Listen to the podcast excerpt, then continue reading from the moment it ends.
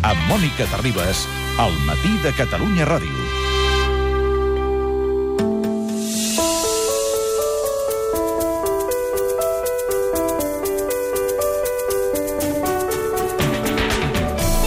Fins no fa massa, l'emissió del primer anunci de cava o de torró a la televisió o quan s'encenia l'enllumenat dels carrers es marcava l'inici de la campanya nadalenca.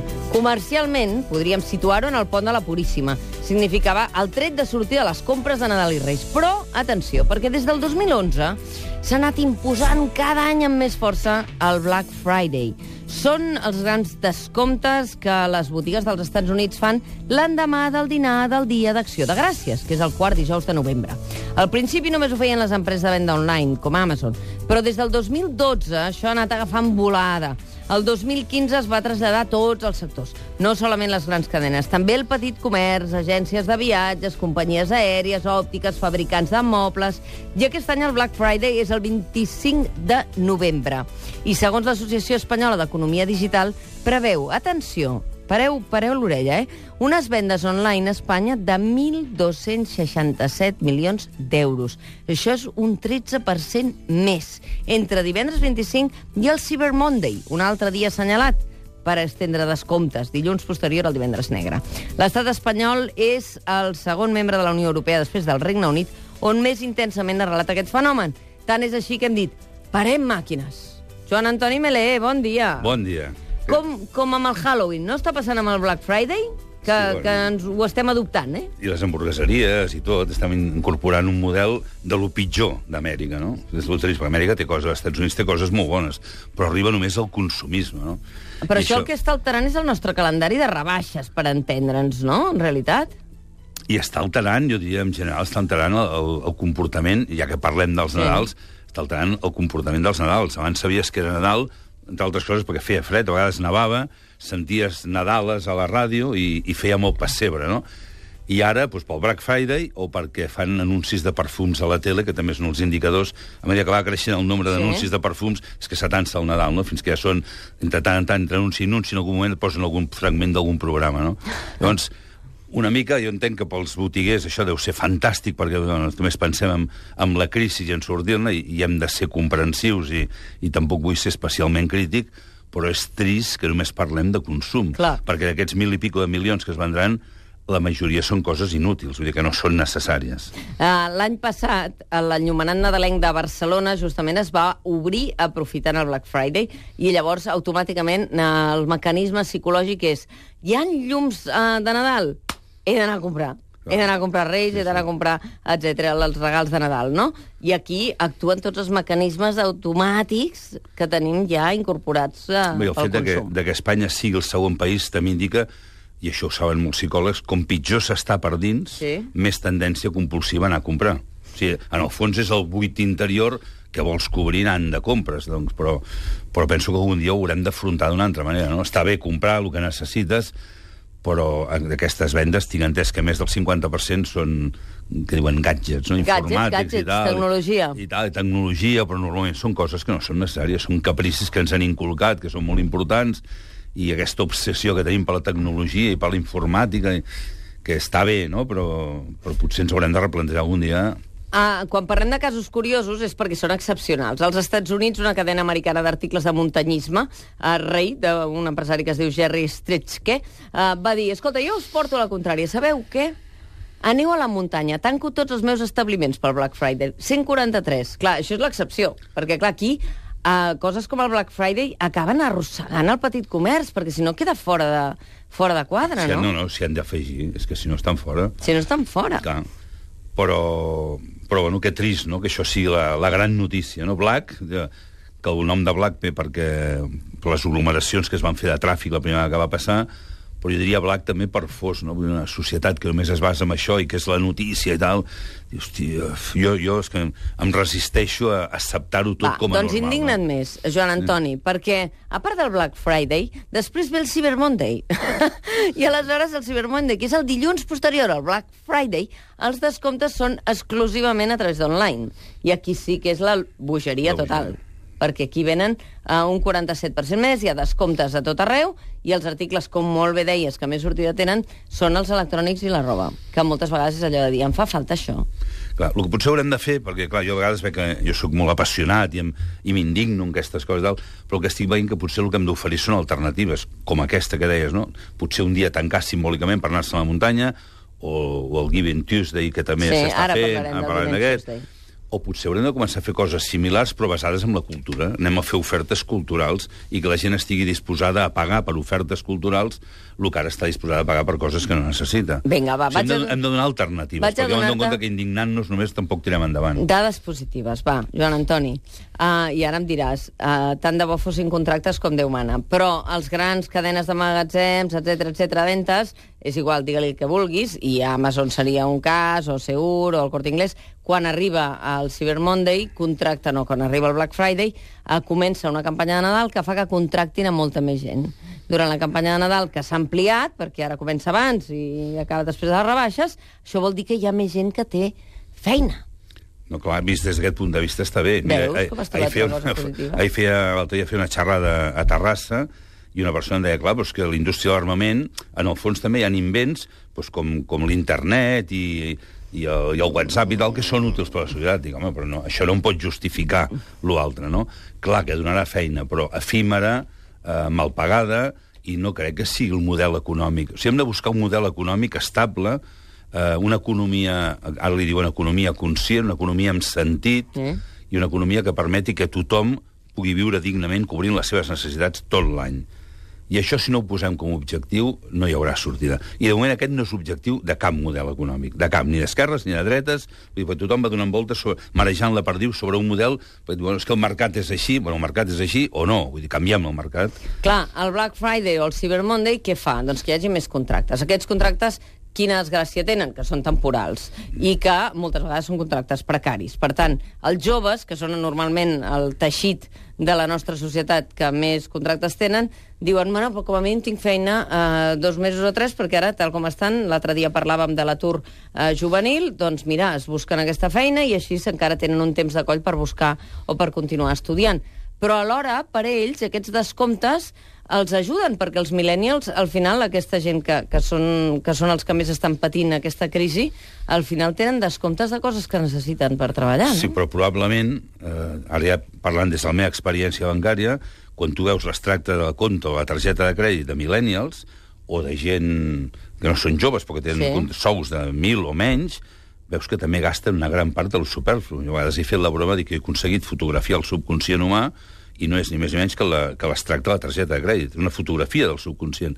Gent millennial, i dius, gastarà. Molts d'aquests gastaran en coses que no necessiten. Aquest és el problema. Una societat que ha basat tot en malestar, vull dir, comprant, doncs que és igual, compraràs i demà ja tornaràs a estar igual. O sigui que sí que pot ser, en un moment determinat, mira, em compraré aquell vestit que necessitava i que no podia, vale, d'acord, per això tampoc, tampoc criticarem tot això. Però no és la solució. És un model que no estem replantejant el model, això per mi és el problema. O sigui, no hi ha una crítica a aquest model econòmic. Anem mirant parxes, anem analitzant coses en concret, però és tot. I això requereix un canvi de filosofia global i sobretot, ja saps que el meu tema repetitiu, d'educació. O canviem el model educatiu i eduquem, s'està fent educació financera a les escoles, per cert, he d'anar a Madrid també per un tema d'aquests, i només es parla de, de quins temes s'han d'ensenyar, si s'ha d'ensenyar a calcular el TAE o no. Dius, "Hosti, no, hem de- hem d'educar amb valors, hem d'educar amb, amb sentit comú. Amb el sentit de l'economia, perquè, per exemple, les rebaixes són el període en el que els comerciants es desfan dels estocs que els han quedat, perquè no quedin remanents, no?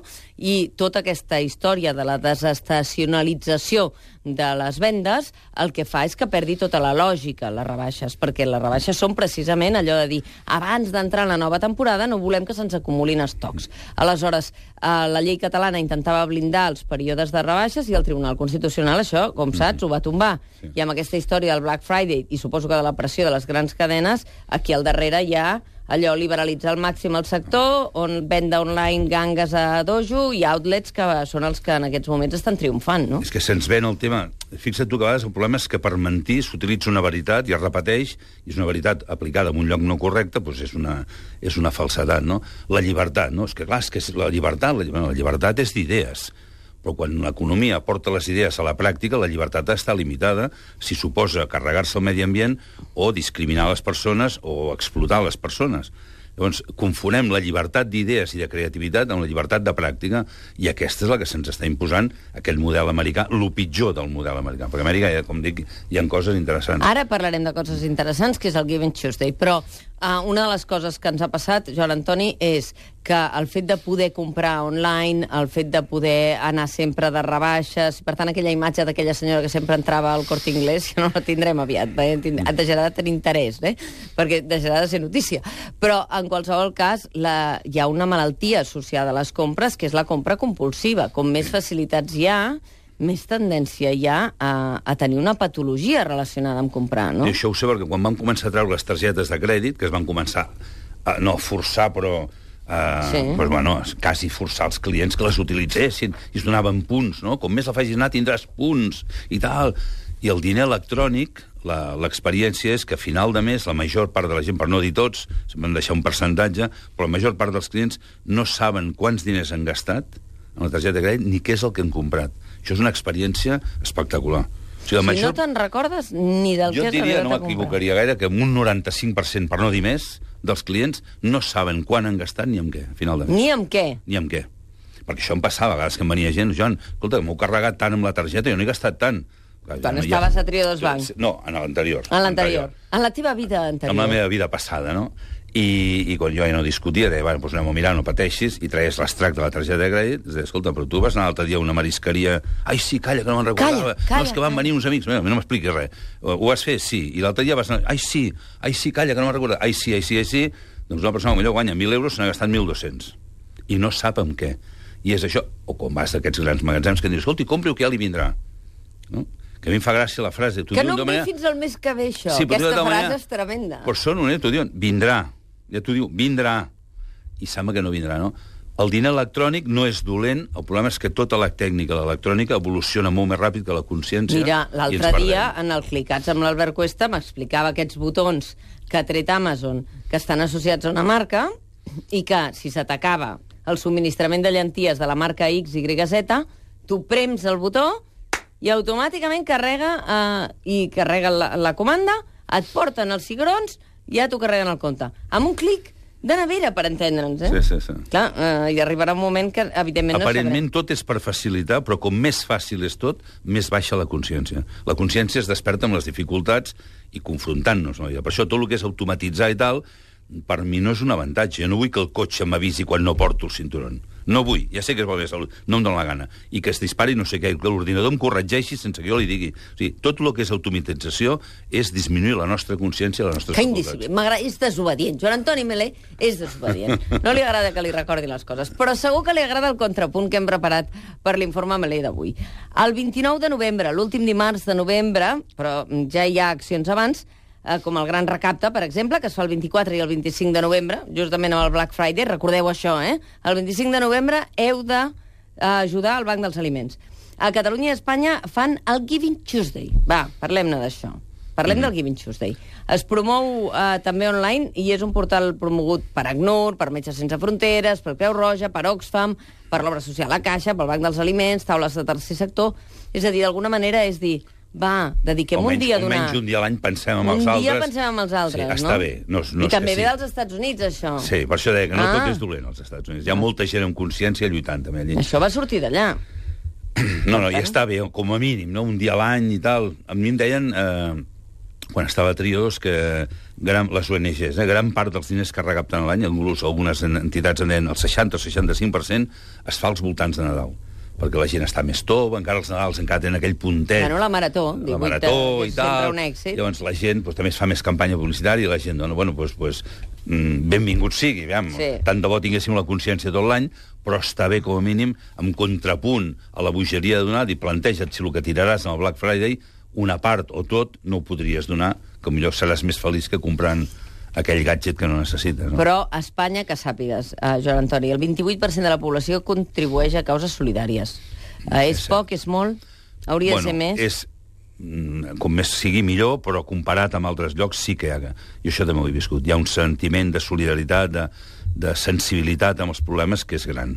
I, Molta gent. I hi ha un 8% de la població que fa voluntariat, perquè cada vegada, eh, com que vivim més anys, afortunadament, i, i ens cuidem més, i per tant vivim més anys, eh, no només pensant en produir per la nostra supervivència personal, doncs la gent s'implica en tasques de voluntariat. I si s'ensenyés a les escoles, que això a vegades quan vaig a les escoles els hi proposo, els joves a partir dels 14 anys haurien de visitar centres centres especials de treball, d'aquests que treballen amb gent doncs, amb alguna dificultat, o gent, eh, centres de paràlisi cerebral, o gent amb risc d'exclusió social, i començar en aquella edat ja a fer coses.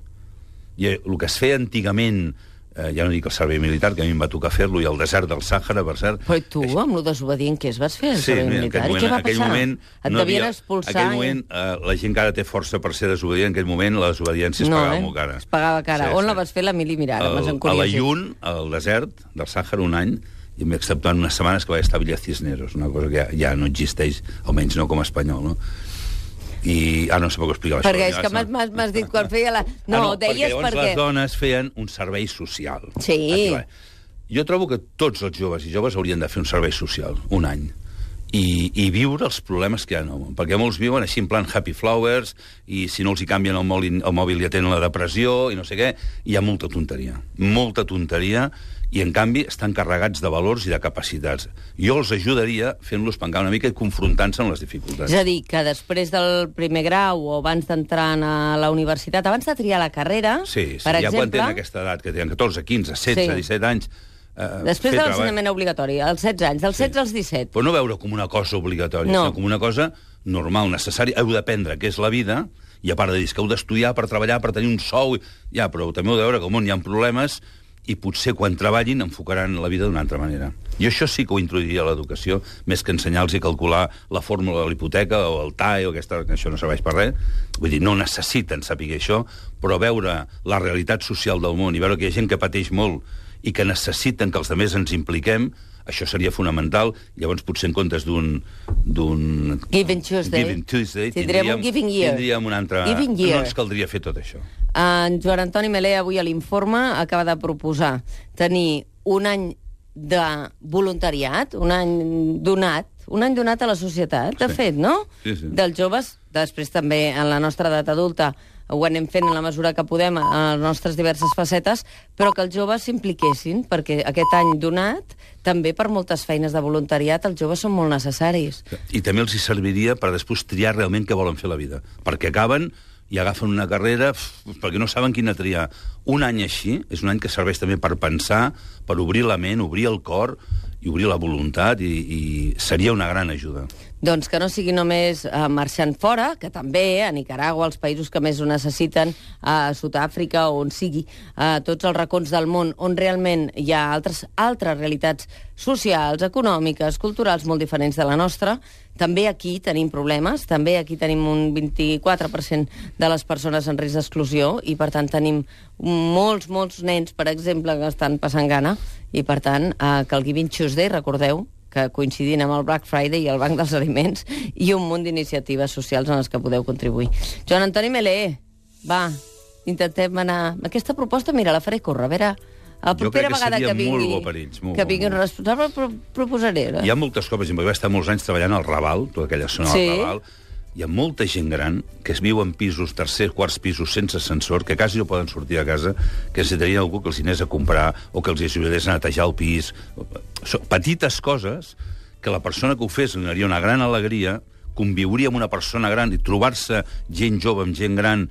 Això, eh, hi havia una fundació de l'antiga Els Caixa amics Catalunya... de la gent gran el, el, sempre ho explica el nostre company Albert Tom i jo que he participat alguna vegada amb els amics de la gent gran és de les experiències més, més meravelloses que tens, eh? Ja. I agraeixen tant que siguin joves eh, els, qui, els qui I estiguin a pels prop joves seu, això no? els hi obre, de veritat, que quan dic, a vegades jo parlo una mica radical, dic, porten molta tonteria al damunt, és una manera de parlar perquè ens entenem. Una manera de parlar, eh, Joan Antoni? ho fa amb bona sí, intenció. Sí, és una manera simbòlica, no? Simbòlica no, i- però és veritat, carinyosa. és, però perquè tampoc els hi, no és un problema d'ells, és el que els hi posem al davant.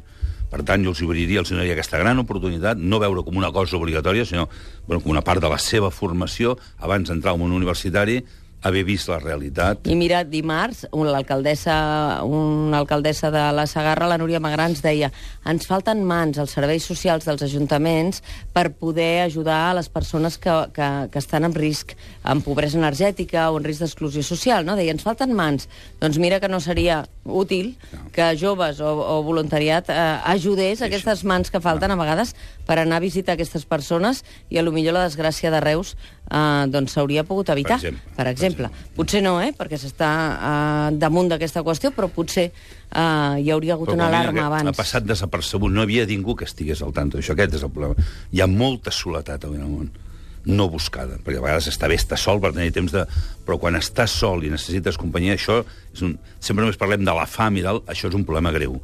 I, i som molts que ens podríem acompanyar. Per tant, està bé, si promoveu aquesta idea, jo me n'alegraré, perquè seria una ajuda per la gent que ho necessita, però per, sobretot pels joves. I per ells també seria un currículum. Jo tinc un contracte algú, em diuen que ha fet un any de voluntariat amb això, doncs per mi això pesa més que tingués un màster a Harvard. Molt més, Joan Antoni Melé, un plaer, com sempre. també per mi. Informa amb ell cada 15 dies. Gràcies.